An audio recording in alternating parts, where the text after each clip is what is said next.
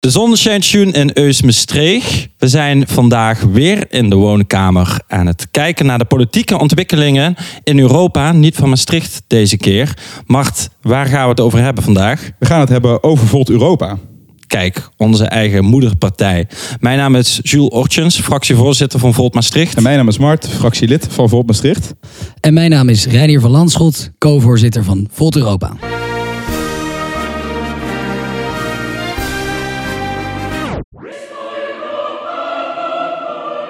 Nou, het is een eer dat jij hier in ons eigen Maastricht zit. Ehm, was het een lange reis? Um, kleine 2,5 uur. Ik woon in Amsterdam, dus uh, dat was prima. Met de trein, een beetje kunnen werken. En daarna een uh, lekkere wandeling in de zon. En jij bent natuurlijk ook wel langere reizen gewend dan uh, Maastricht. Ja, klopt. Ik ben gemiddeld, denk ik, nou, tijdens de. Ik ben nu 3,5 jaar co-voorzitter. En twee jaar daarvan waren tijdens de coronapandemie. Dus toen ja. was het vooral veel thuiswerken zoomen. en zoomen. Maar. Um, uh, tegenwoordig kan ik wel een paar keer per maand naar andere plekken in Europa te gaan om daar vol te ondersteunen, om daar mensen te ontmoeten.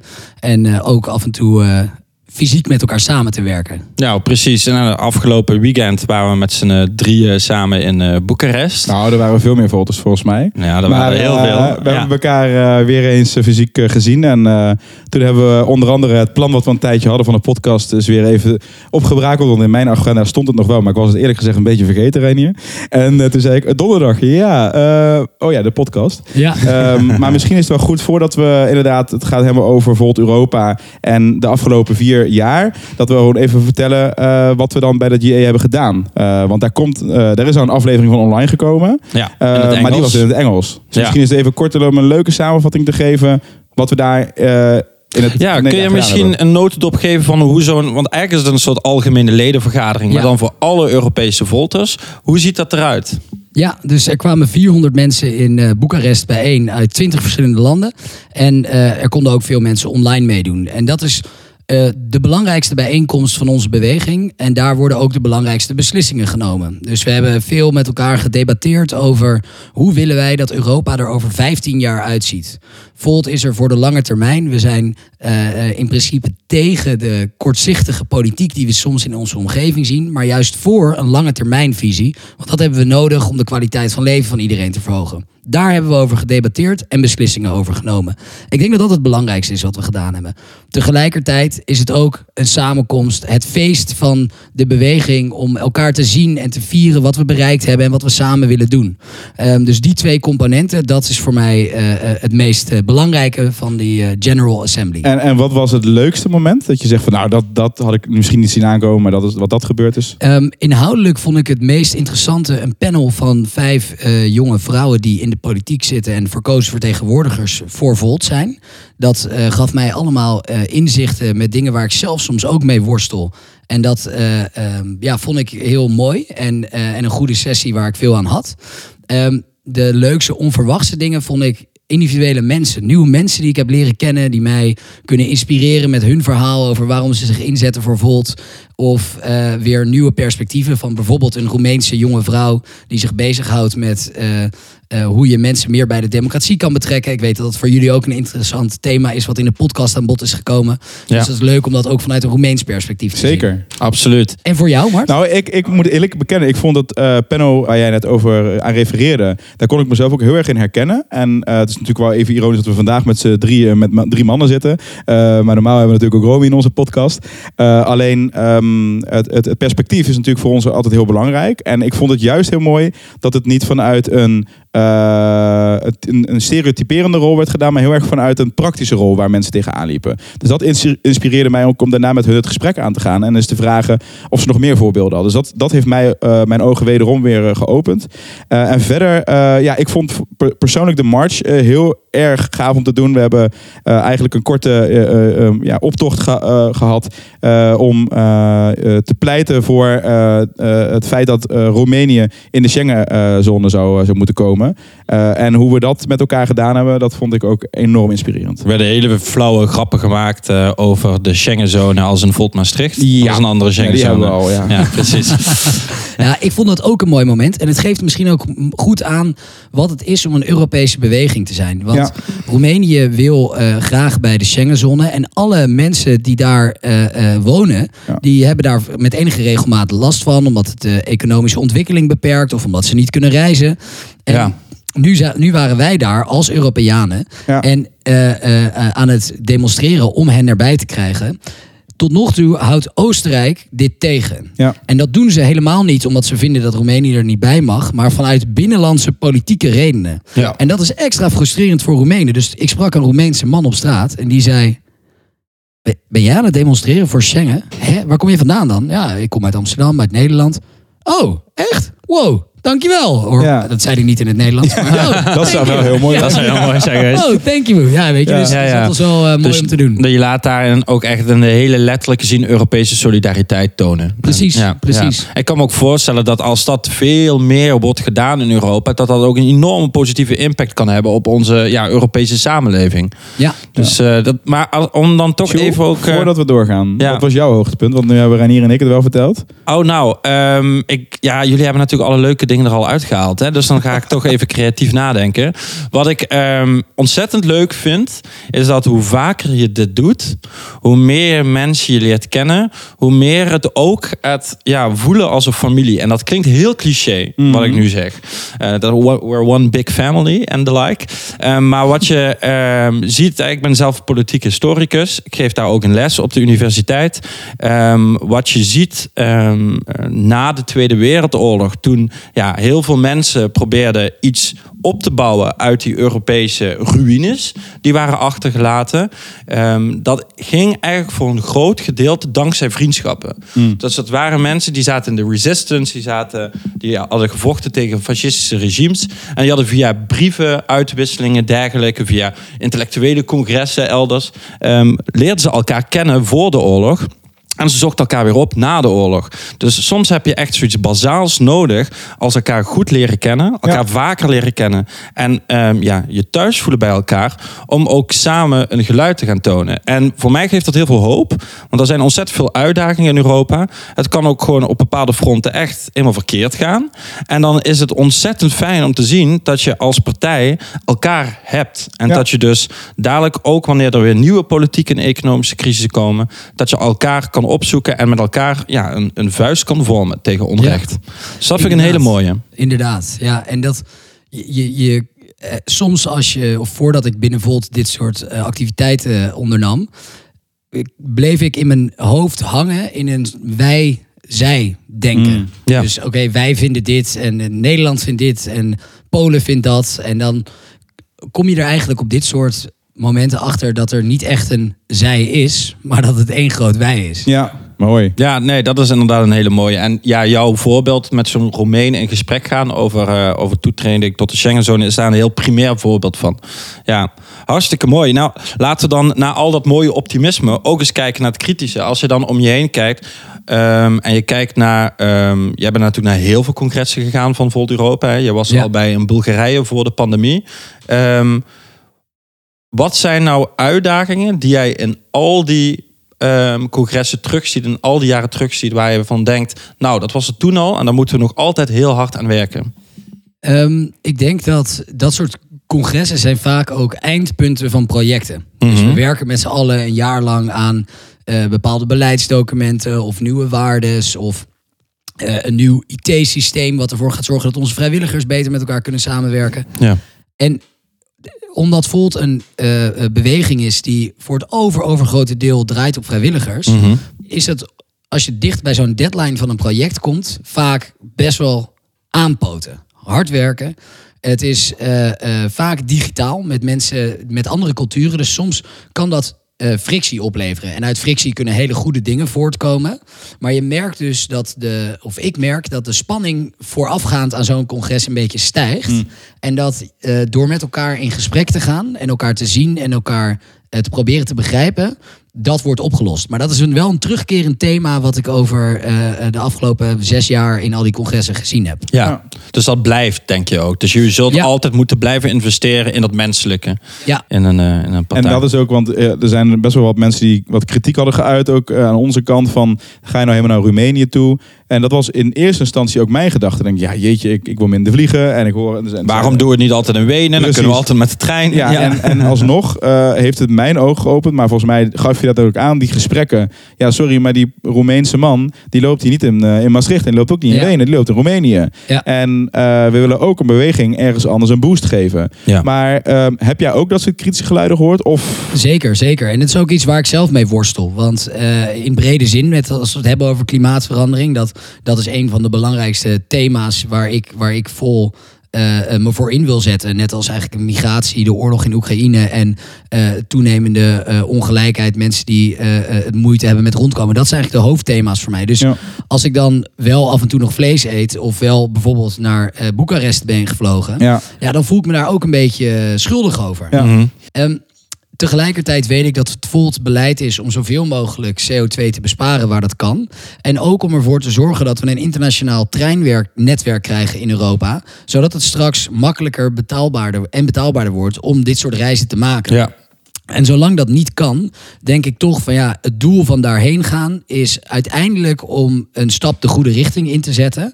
En eh, eh, dan kan je beter inconsequent het goede doen dan, dan consequent het foute. ja dus, mooi, eh, mooi. Ja. Hey, en ehm, ja, ik denk dat we de GA nu eh, wel even in een mooie notendop hebben gepakt. En ook goed dat we wat kritische noten met elkaar eh, bespreken. Ehm, we, in het begin zeiden we, joh, we gaan het over Volt Europa hebben. ja. Ja. Eh, ik denk, ik zie meteen een glimlach bij je ontstaan. Dus dat is volgens mij een goed onderwerp van, wat we dan met elkaar kunnen bespreken. Ehm, ik zou zeggen, begin bij het begin. Wat was nou jouw eerste moment dat je dacht, holy, nou, ik wil daarbij. Ehm, nou, de, eh, ehm, degene die mijn interesse heeft aangewakkerd voor Europese integratie is een eh, hoogleraar uit Maastricht, Mathieu Zegers, waar ik les van heb gehad toen hij nog in Utrecht doseerde, waar ik heb gestudeerd. Een bekende Maastrichtenaar. Mhm. En eh, sindsdien heb ik vaak ehm, eh, de dingen eh, die over Europa gingen in het nieuws gevolgd. Toen zei een vriend van mij eh, tegen me, Reinier, ik heb een collega die is betrokken bij het oprichten van de Nederlandse afdeling van een Europese partij. Jij bent hierin geïnteresseerd, weet ik. Wil je meekomen naar hun eerste bijeenkomst in Nederland? En ik weet nog dat ik terugmailde. Ik denk dat dit nooit gaat werken, maar ik ben er wel bij. Dus, eh, eh, en ik dacht, ah, weet je, dit, dit, dit, dit, dit wordt een veel te moeilijke opgave, maar ik ga er wel heen. En toen was ik daar en toen ontmoette ik de oprichters van Volt. En die vertelden mij het verhaal van hoe zij een Europese partij zagen. En dat was voor mij direct iets van, dat klikte. Een logische volgende stap in de democratische ontwikkeling van het Europese continent. We eh, leven voor een groot deel over grenzen. Bedrijven zijn eh, eh, grensoverstijgend. Problemen zijn grensoverstijgend. Of je het nou hebt over criminaliteit of belas- belastingontwijking of klimaatverandering. Het gaat allemaal over de grenzen heen. Ja. En het is tijd dat de politiek die stap ook zet. Ja. En het, een Europese partij zou de beweging zijn die dat in die richting duwt. Dus daarvan dacht ik direct, dat is een goed idee. Ehm, en eh, eh, tegelijkertijd was ik al heel lang aan het klagen dat we rechtsnationalisme zagen. Eh, De Brexit, Trump, Nederland, het Forum voor Democratie. Nou, je kan het allemaal opnoemen. En ik dacht, waarom doet niemand daar iets aan? En toen was ik daar en toen zeiden ze, ja, jij bent ook iemand. Ja. Waarom doe jij eigenlijk niks? Ja. En toen dacht ik van, ja, inderdaad. Nou, weet je wat? Ik ga een beetje meehelpen. En eh, ook al denk ik dat de kans van slagen klein is, want eh, ze hebben geen geld, ze hebben geen ervaring en geen beroemde mensen. Dus hoe gaan ze dit in godsnaam klaarspelen? maar eh, het idee is goed, dus ik ga een beetje meehelpen. Vervolgens werd dat beetje werd steeds meer. En toen werd er aan mij gevraagd: wil jij de Nederlandse afdeling leiden? Nou, ik Ja. was vriendelijk bedankt. Toen vroeg ze het later nog een keer. Toen dacht ik: oké, ik ga het toch doen. Ehm, en toen was er een moment waarbij we in de krant kwamen voor het eerst. Mhm. Met een. eh, Was dat het Volkskrant artikel? Of, eh, eh, nee, het was in de NRC. Ah, de NRC, en er ja. stond, de, de, de, de kop was Nieuwe energie voor Europa. mm, Mhm. En ehm, daar werd ik in een bijzin genoemd. mhm, En we, we hadden allemaal evenementen georganiseerd. En we waren denk ik met z'n dertigen of zo. En toen opeens honderden reacties. Mensen die zeiden, hoe kan ik meehelpen? Dit is wat we nodig hebben. Hier heb ik op gewacht. En dan kom je tot de conclusie van, wow, dit is groter dan ik dacht. Dit Ja. is niet alleen iets wat wij met een paar tientallen mensen denken. Ja. Het is een bredere maatschappelijke behoefte. Ja. En vanaf dat moment eh, eh, ehm, gingen we verder, besloten we de, de, de Nederlandse afdeling op te richten. Ehm, en kwam ik voor het eerst op televisie. Nou, als je mij zes maanden daarvoor had gezegd. Dat ik over zes maanden een politieke partij zou oprichten en op televisie zou komen, dan had ik je uitgelachen. Ja, ja, ja, ja. Ja. Ik weet ook nog dat ik dacht van hoe is mijn Ja, wat ben leven ik aan het doen opeens- hier? Ben ik aan het doen? Ik werkte voor een supermarkt en nu opeens eh, sta ik hier. En, Oh, ehm, en toen eh, Volt iets verder groeide, Mhm. kwamen we op een punt dat we erachter kwamen, dit gaat alleen werken als we echt vol tijd ermee bezig zijn. Maar we hadden geen geld. Ja. En toen dachten we, ja, misschien als we er voltijd mee bezig zijn, kunnen we wel geld krijgen. Ja. Maar dan moeten we er eerst voltijd mee bezig zijn. Dus Ja. dat is een beetje een kip-ei vraagstuk. Ja. En dus eh, hebben Laurens Dassen en ik uiteindelijk met z'n tweeën eh, eh, de sprong in het diepe gewaagd. Ontslag genomen. En fulltime als vrijwilliger ons ingezet voor Volt. eh, Een jaar, anderhalf jaar lang. Om, Mhm. eh, om het van de grond te krijgen. Zo. Hey, en, dan, en dan sta je daar en eh, je krijgt op een gegeven moment vrijwilligers om je heen. Eh, je was Ja. op dat moment natuurlijk ook nog zelf vrijwilliger. Ja. In het begin natuurlijk. Hè. En eh, op een gegeven moment merk je dus, joh, dingen gaan lopen. Eh, er komen plannen. Er, er komen eh, eh, ideeën over beleid. Er komen ideeën om anders met, met, met elkaar om te gaan. Eh, en opeens eh, eh, denk ik dat we een sprong gaan moeten maken van dat Nederlandse verhaal naar dat Europese verhaal. Ja. Hoe Ja. is dat gegaan? Ja, dat Europese verhaal was er eigenlijk continu al wel. Want terwijl wij bezig waren, gingen we iedere paar maanden ehm, ook zo'n Europese bijeenkomst eh, eh, gingen we daar naartoe.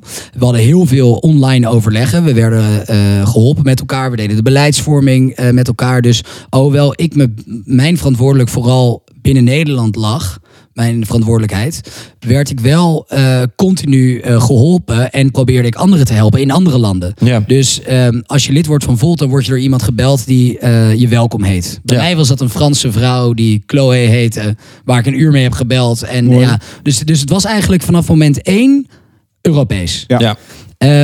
En ehm, toen na de Europese parlementsverkiezingen van 2019 de toenmalige voorzitter en oprichter eh, Andrea Venzon eh, ermee ophield, toen eh, vroegen een aantal mensen aan mij van joh, zou jij niet die rol van co-voorzitter op je willen nemen? Ja. En daar heb ik lang over getwijfeld en dat heb ik uiteindelijk gedaan. Mhm. En sindsdien had ik het voorrecht om ja, mede richting te geven aan onze Europese beweging. Ja.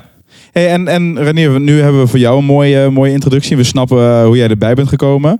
Ehm, maar misschien is het dan ook wel leuk om te kijken hoe we dat dan aan zo'n gemeente kunnen linken. Hè? Want we zitten Ja. toch in Maastricht. Ja. Dat is heel lokaal. Wat, waarom vind jij het belangrijk dat wij in Maastricht überhaupt er zijn? Ehm, nou, Maastricht is een speciale stad, omdat het ook de meest Europese stad van, eh, van Nederland is natuurlijk. Ehm, maar dat niet alleen. In, in algemene zin kan je zeggen dat een van de redenen waarom Europese samenwerking niet heeft gewerkt, is omdat mensen het hebben ervaren als top-down. Dus Ja. van bovenaf gestuurd. En daardoor een ver van je bed show Ja. ook. Ja. En dat komt omdat het ook in grote mate zo is geweest. Ja. Dus eh, eh, de grootste stappen op het gebied van Europese integratie zijn in de afgelopen 70 jaar gezet door nationale regeringsleiders die samen besloten om de volgende stap te zetten.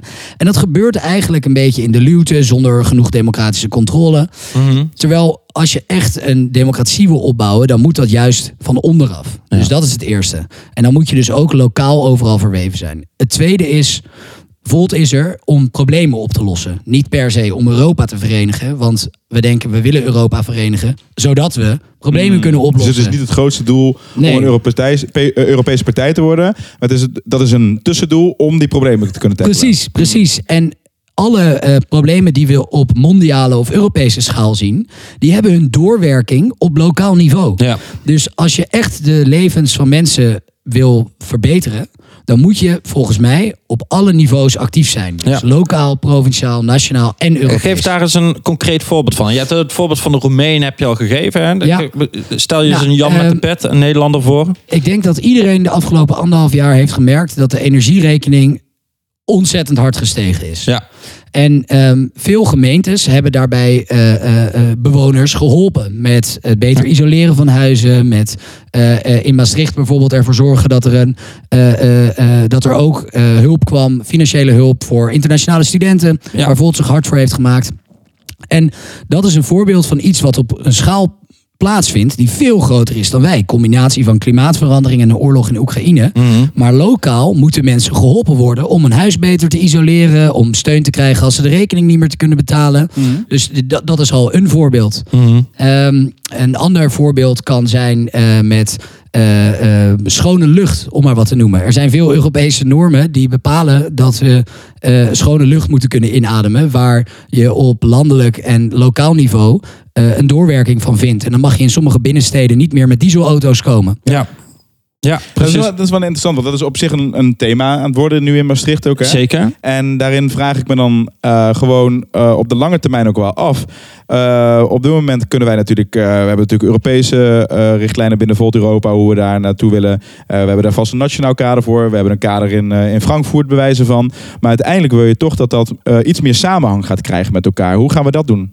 Ja, we hebben een eh, online eh, platform waarbij eigenlijk alle beleidsvoorstellen die overal gemaakt worden in terechtkomen. Ja, die is, die is net gelanceerd hè. in Boekarest werd hij gepresenteerd. Precies, Ja. precies. En wat vond je ervan? ja, ik vond het heel vet. Ik heb hem nu gebruikt. Ik ga heel kritisch zijn. Er Ja. zitten nog wat kinderziektes in. Ehm, maar ik denk met een goede training, dan ben ik, eh, ben ik helemaal daar. Ja, ja de- nou, het feit alleen al dat ik dadelijk eh, de dossiers kan gaan lezen van Eens. een raadslid uit Athene, Ja. dat vind ik geweldig. Ja, ja, ja. Ja, dus dat, dat is een manier om ervoor te zorgen dat die Europese samenwerking meer oplevert.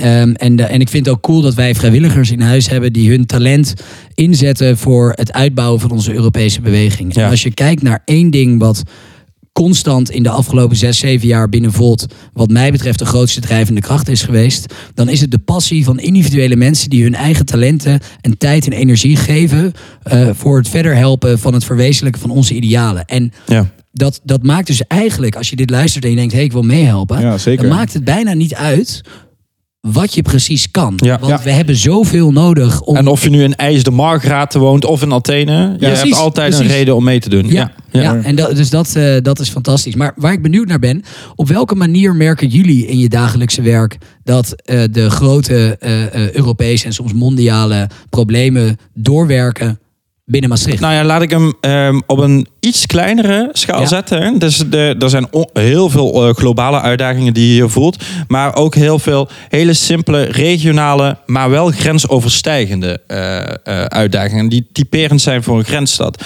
Nou, onlangs hadden we een gesprek met een hovenier. Die zei van, ja joh... ehm, ik, eh, ik kreeg een telefoontje van een eh, klant hier 15 minuten met de fiets vandaan. En die woonde in Lanaken. Praktisch een voorstad van Maastricht, maar aan de Belgische kant van de grens. Nou, die had een hovenier nodig voor haar tuin. Ehm, zij ehm, in gesprek met eh, degene die haar dan advies geeft over fiscaal, hoe je dat allemaal met belasting doet. Hè. Ze is ZZP'er. En die gaf haar als advies, niet doen.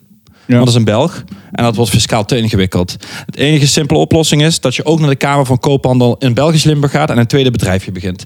Nou, dat is dan weer veel te complex voor haar. Met als gevolg dat zij gewoon meer dan de helft van de klanten verliest. Want je woont hier in een regio waar ja, Zuid-Limburg met voor 19e grenst aan eh, niet-Nederland. hè, Aan Ja. Duitsland en aan België. Dus je ziet dat in dat soort hele simpele alledaagse dingen die grens een gigantisch obstakel kunnen vormen. Eh, die zijn dus niet zozeer globaal, maar die zijn wel heel regionaal. Mooi voorbeeld. Ja. Ja, en wat je bij zo'n voorbeeld waar je dan waar ik behoefte aan heb, is een stukje doorkijk naar eh, hoe andere landen dat willen zien. En hoe eh, je bilateraal, dus tussen twee landen in het geval, of soms trilateraal, is dat, zou dat een woord zijn? Ik weet het niet. Trilateraal, nou, in ieder geval, je Je bent begrijpt goed in het we bedenken van woorden. Eh, we gaan het dikke vandaag er even bij pakken. Eh, tussen drie landen dat kan oplossen. En wat je nu ziet is, eh, we hebben nu ook een set eh, schriftelijke vragen. Zijn we nu samen met de Tweede Kamerfractie eh, aan, het, eh, aan het maken. Die komen als goed is, eh, als deze podcast uit is, zijn die ingediend.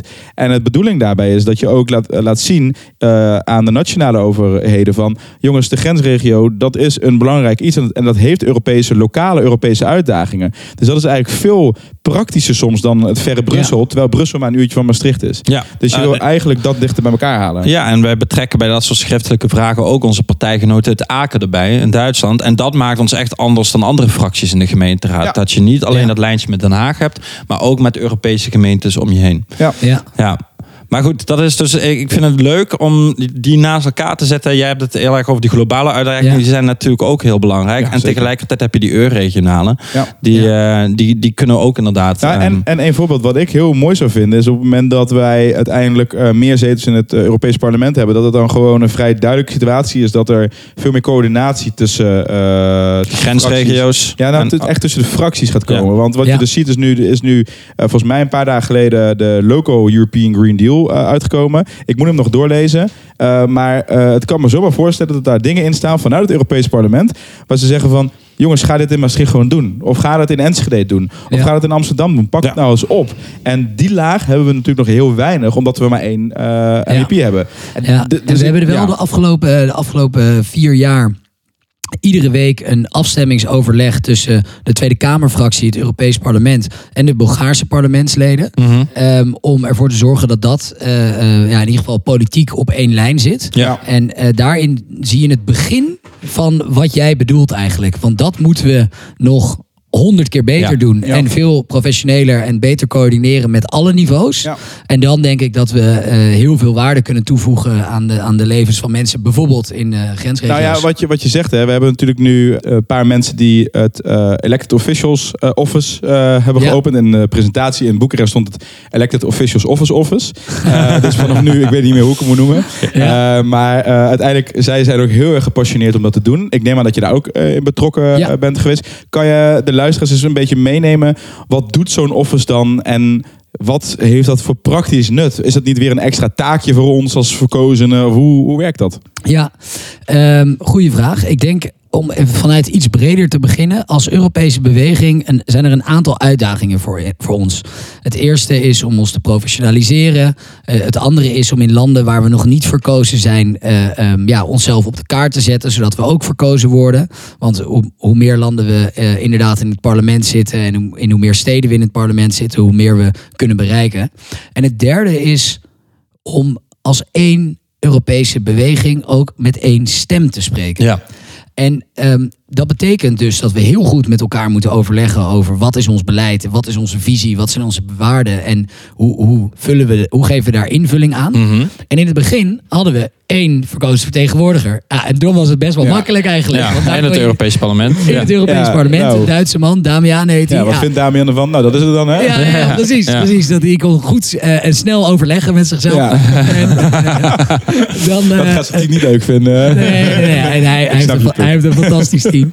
Maar ehm, dus dat, dat ging toen nog vrij gemakkelijk. Ja. Inmiddels hebben we 131 verkozen vertegenwoordigers Ja. in zes verschillende landen. Ja. En ik heb in de afgelopen zes jaar eh, eh, meer en meer respect gekregen voor mensen die in die rol zitten. Mhm. Omdat je keihard moet werken. En ik, dat eh, zullen jullie waarschijnlijk ook hebben. Dat je zeker op lokaal niveau je, je leven met je werk en je vertegenwoordigende rol moet combineren. Ja. En dat is ontzettend.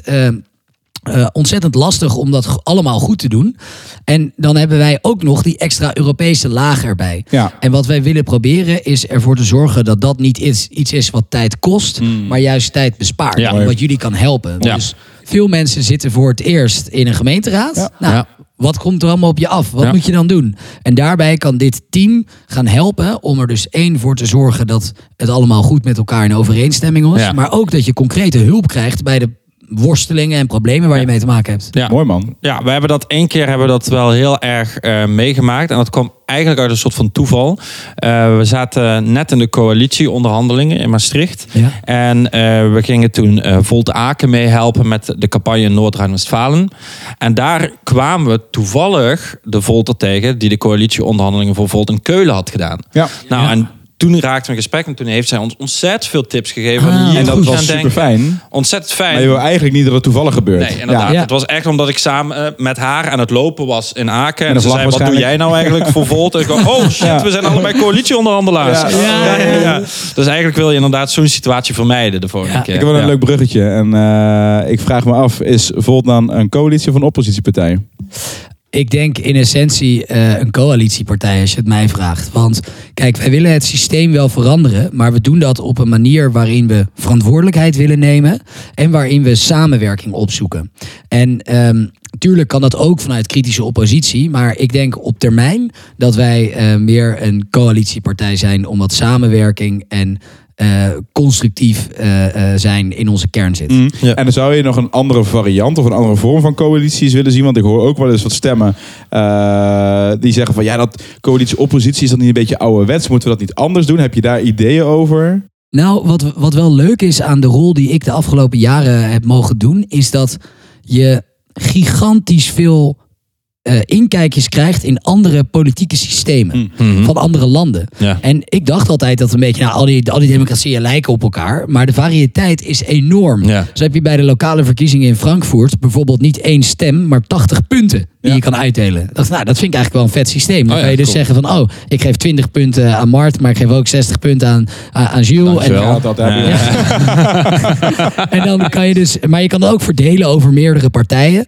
Ehm, Maar dit wist ik ook niet. Het is wel echt, wel echt een hele andere manier. Ja. Ja. Zie je En- dat dat iets in de resultaten doet? Dat vind ik moeilijk om te beoordelen. Maar wat ik wel hoorde van mensen uit Frankfurt die ik heb gesproken, dat ze daarmee het gevoel hebben dat ze beter eh, kunnen aangeven wat ze eigenlijk precies Ja, willen. precies. Ik kan me heel goed voorstellen dat je eh, dat in Nederland mensen die 100 punten aan de PVV zouden geven, of je geeft er 100 punten aan, of je geeft ook meteen 0 punten aan. Ja. Terwijl een partij als GroenLinks, daar hebben misschien veel meer mensen zoiets van, nou, die geef ik 60 punten. Ja. Waardoor je misschien ook een veel minder populistische uitkomst krijgt op het einde. Ja.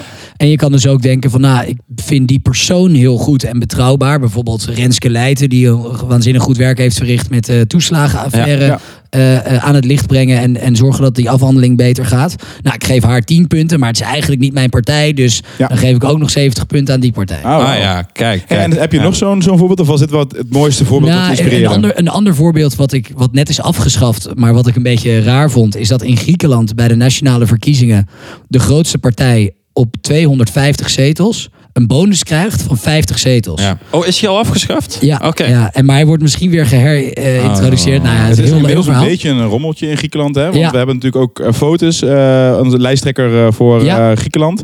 Eh, daar zat ik nu mee in, eh, in, in een gesprek in Boekarest. Mhm. En die legde mij wat uit. En dat is toevallig, eh, hij is ook volgens mij half Nederlands, als ik het goed Ja, heb. ja, Eh, moeten we even factchecken en anders sorry eh, foto's. Ja. Eh, in ieder geval, hij spreekt Nederlands. Dus ik ga ervan uit dat er iets van een, een logica achter zit. En hij gaf op een gegeven moment ook aan van ja, er, er is best wel wat misgegaan. Eh, en eh, we zijn een mini-coalitietje begonnen. Eh. En we hebben gewoon gezegd, we zijn niet eens met hoe het hier gaat. En we verzamelen alle kleine partijen bij elkaar. En we gaan gewoon voor onze rechten strijden. Ja. Dat is toch totaal eigenlijk aan, bijna, het is zelfs moeilijk uit te leggen. Ja. Maar het is ook enorm inspirerend. Want het geeft heel erg aan dat je in een bepaalde verandering gelooft. En ik kan me heel goed het voorstellen- systeem niet Ja. helemaal wilt. En wij hebben het natuurlijk opgebouwd in een land zonder kiesdrempel. Ik kan me heel goed voorstellen, een land als Griekenland, wat tot voor kort Ja. was verdeeld tussen Neo-Democratia en PASOK, dat je dan, ja, je moet dan wel gaan fuseren met zoveel mogelijk verschillende partijen om Ja. een vuist eh, te vormen. Ja. Ja. Ja, interessant. Maar mooi dat je, ja, dat je dat, ja, jammer dat afgeschaft, maar een mooi, mooi voorbeeld. hey, maar eventjes eh, terug. We hadden het net over de, het Europese parlement, over de Ja. Europese politiek. Eh, dat is de big elephant in the room. is dat jij eh, op het einde van het congres zei... nou, ik eh, wil eigenlijk wel voor die Europese verkiezingen gaan... als kandidaat Ja. voor het Europese parlement. Ehm, misschien allereerst gewoon waarom? Waarom wil je dat? Omdat ik ehm, me nog steeds veel zorgen maak over bepaalde ontwikkelingen. En voor mij zijn de grootste zijn hoe inhumaan we met eh, eh, migranten omgaan. Hoe eh, we niet een vuist kunnen maken voor veiligheid om Oekraïne te ondersteunen. Hoe steeds meer mensen moeite hebben om rond te komen en klimaatverandering niet genoeg bestrijden. Dat zijn eigenlijk mijn vier hoofdpunten waarvan Mhm. ik denk, daar wil ik wat aan doen. Ja. En, eh, en ik ben er in de afgelopen zes jaar dat ik me voor Volt inzet, steeds meer van eh, eh, overtuigd geraakt dat Volt daar een goed antwoord op is. En ik denk dat ik op deze manier een bijdrage kan leveren. Spannend. Hartstikke mooi. Laten en, als je dat, ja, en als je dan eh, verhuist naar Brussel... is er dan eh, een bepaalde taal die jij nog eh, zou willen leren? Nou, ik denk dat dat een beetje op de zaken vooruitlopen is. Kijk, ik heb nu nog eh, de laatste weken van mijn eh, rol als co-voorzitter. Dan gaan we eerst een eh, interne eh, eh, verkiezingsmomenten hebben. En dan eh, moet dat eerst goed uitpakken. En daarna de Nederlanders. Dus dan zijn we een jaar verder. ja. Eh, dus dus, dus eh, dat, we moeten eerst maar zien hoe dat loopt. Ja, maar om je er komen, over... er komen natuurlijk Ja. ongetwijfeld heel veel andere kandidaten die eh, ook eh, Ja. de Europese parlement in willen. Ja, het is superleuk om te zien nu al dat er veel getalenteerde mensen zijn die eh, zich in willen zetten op deze manier. Ja. Dus eh, ik kijk daar heel erg naar uit. Ik denk dat we een fantastische lijst gaan En krijgen. Ik merk ook eh, dat je het er niet heel lang over wil hebben. En Ja. dat, is, dat is ook heel goed. Eh, om dit stukje dan even af te sluiten, wil ik één reden eh, horen van je waarom ze wel eh, voor je moeten gaan. En ook één reden waarvoor je denkt, nou, dat is misschien toch wel Oeh, ehm, een beetje kritiek. Ja, ja, ja. Een eh, reden voor mij om er wel voor te gaan is omdat ik ehm, volgens mij al in de praktijk heb laten zien dat ik de visie van Volt kan verspreiden. Mhm. Ehm, en een reden voor mij om het niet te doen is misschien juist ook om iemand anders een kans te geven om eh, die rol te vervullen. Ja. Want ik heb dat al eh, de afgelopen jaren al een aantal keer mogen doen. Dus dit is een open sollicitatie voor andere mensen die horen, die Zeker. Reinier, die wil ik graag even uitdagen. Ja. Ze hebben nog een, een paar dagen volgens mij om zich aan te melden. Hè? Ja, nog, nog een paar dagen. Waarschijnlijk als deze podcast Ja. uitkomt. Ja. En eh, ik juich dat van harte toe. Als je het overweegt en je wil inzicht in ehm, wat dat precies behelst, dan kan je mij ook even een berichtje sturen op Instagram of Twitter of Workplace of I don't know, kan allemaal Ja. via e-mail. En dan kunnen we een kop koffie drinken en dan kan ik je er meer over uitleggen en eh, je aansporen om het vooral wel te doen. Mooi. Hartstikke mooi. Hey, we hebben dus eh, sinds kort ook een nieuw rubriekje. Ik weet niet, is die nog, kunnen we hem nog nieuw noemen? Nou, ik vind hem nog relatief nieuw. Ja. Maar ehm, we- we- ik ging een beetje over de vraag over de taal. Ah ja, heen. oh ja, ja, ja. ja, Ja. Sorry daarvoor. Sorry Nee, daarvoor. uit. Ja. Ehm, ja, nee, ik, eh, ik zou heel graag veel meer talen willen spreken. Ja. Eh, ik ben geboren in Frankrijk eh, en heb daar de eerste drie jaar van mijn leven gewoond. Ik kan me daar niks van herinneren. Ehm, en eh, mijn Frans is niet goed. Dus ik zou graag beter Frans willen kunnen spreken. Ik heb altijd veel ontzag voor mensen die heel veel talen kunnen spreken. Mm. Maar ik kan eigenlijk alleen Nederlands en Engels. Mhm. Dus het zou wel leuk zijn om nog meer talen erbij Dus te we leren. gaan Kijk. over een paar maanden een keer naar Luik. En dan gaan we naar Volt Luik. En dan gaan we het in het Frans proberen. Ja, precies. Ja, ja, ja. Oké, ja. Soms als ik speeches van tevoren voorbereid, dan doe ik ze door Google Translate. Ja. En dan lees ik ze voor in de taal die, eh, eh, eh, van waar die speech gehouden wordt. Ja. Maar ik las net een boekje met Limburgse wijsheden een, eh, eh, eh, een paar zinnen voor in een Maastrichts accent. En ik bleek dat verschrikkelijk slecht te doen. Dus misschien moet ik daarmee stoppen. Ik wou het niet. Ik, ik, ik Nou, je kan het ook oefenen, hè? Ja, ik was al wat Ja, ja. kritisch. Ik dacht, ik ga deze er niet ingooien. Maar je doet het zelf, Reinier. Nee, dat was wel... Ja ik, ja, ik had wel het idee dat je, dat je daar nog wel een, eh, een nachtje eh, op kan oefenen dan. Ja. Ja, ja, ja. Na een paar biertjes komt het goed. Dat denk ik ook. Ja. Dat denk ik ook. Wie weet. Hey, maar inderdaad, terug naar onze nog relatief nieuwe eh, rubriek. Ja, Wij, ja, eh, want mijn vraag was, mogen we hem nog nieuw noemen? Maar ja, ik vind wel dat hij nog nieuw is. Jawel, zeker. Ja, want dus de rubriek is dus eh, de playlist Maastricht eh, Made in Europe. Dus dat is Ja. natuurlijk de naam van de podcast, maar ook onze playlist op Spotify. Ja. En eh, daarbij vragen we eigenlijk eh, meestal op Instagram, maar nu aangezien wij eh, jou hier live hebben, vragen we het je eh, live eh, wat jouw eh, nummer is, wat jou eh, gewoon inspireert. En het moet iets met Europa te maken hebben. Ja, precies. Kijk, ehm, ik heb al eh, een die aantal jaren geleden een beetje de droom gehad om, eh, eh, om radio-dj te zijn. Dat leek me heel erg vet. dus ik, ik zie dit als een moment. Ja, ik zeggen. Kijk, kijk, kijk, kijk. Radio Dus, Volt eh. Daar gaan we. Radio Volt Maastricht. Eh, het nummer wat ik heb uitgekozen is Robot Rock van Daft Punk. En eh, toevallig... Franse dit- band trouwens, hè? Ja, Yes. en dat zijn, dat zijn twee eh, mannen, twee Franse mannen. Die waanzinnig vette muziek hebben gemaakt en wereldwijd bekend zijn. Maar niemand weet hoe ze eruit zien. Want altijd als ze optreden hebben ze een motorhelm op.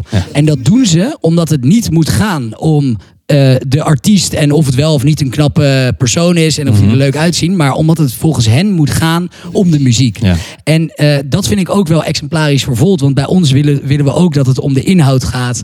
En om, het, en om onze idealen en niet om individuele personen. Bovendien is dit het nummer wat eh, na de oprichting van Volt in Nederland luid door de speakers ging. Het is namelijk een nummer dat gaat over transformatie. Over transformatie van, robot, eh, van rockmuziek naar elektronische muziek. Vandaar de naam Robot Rock. En het geeft een hele hoop energie. Het is ook best wel veel herrie. Dus ik zou zeggen, zet hem lekker hard. Zet hem lekker hard. Wees een beetje open-minded. En dan eh, kan hij door de speakers knallen. Nou, Hartstikke mooi. Ik denk dat je sollicitatie voor eh, Radio 1 eh, bij deze geslaagd is. Eh, echt heel erg bedankt voor het gesprek. Ehm, ja, en ik denk eh, dat wij eh, naar het nummer gaan luisteren, of niet, Sjoerd? Ik ben heel erg benieuwd. Tot de volgende. Tot de volgende. Tot de volgende. Dank dat ik hier mocht zijn. Zeker.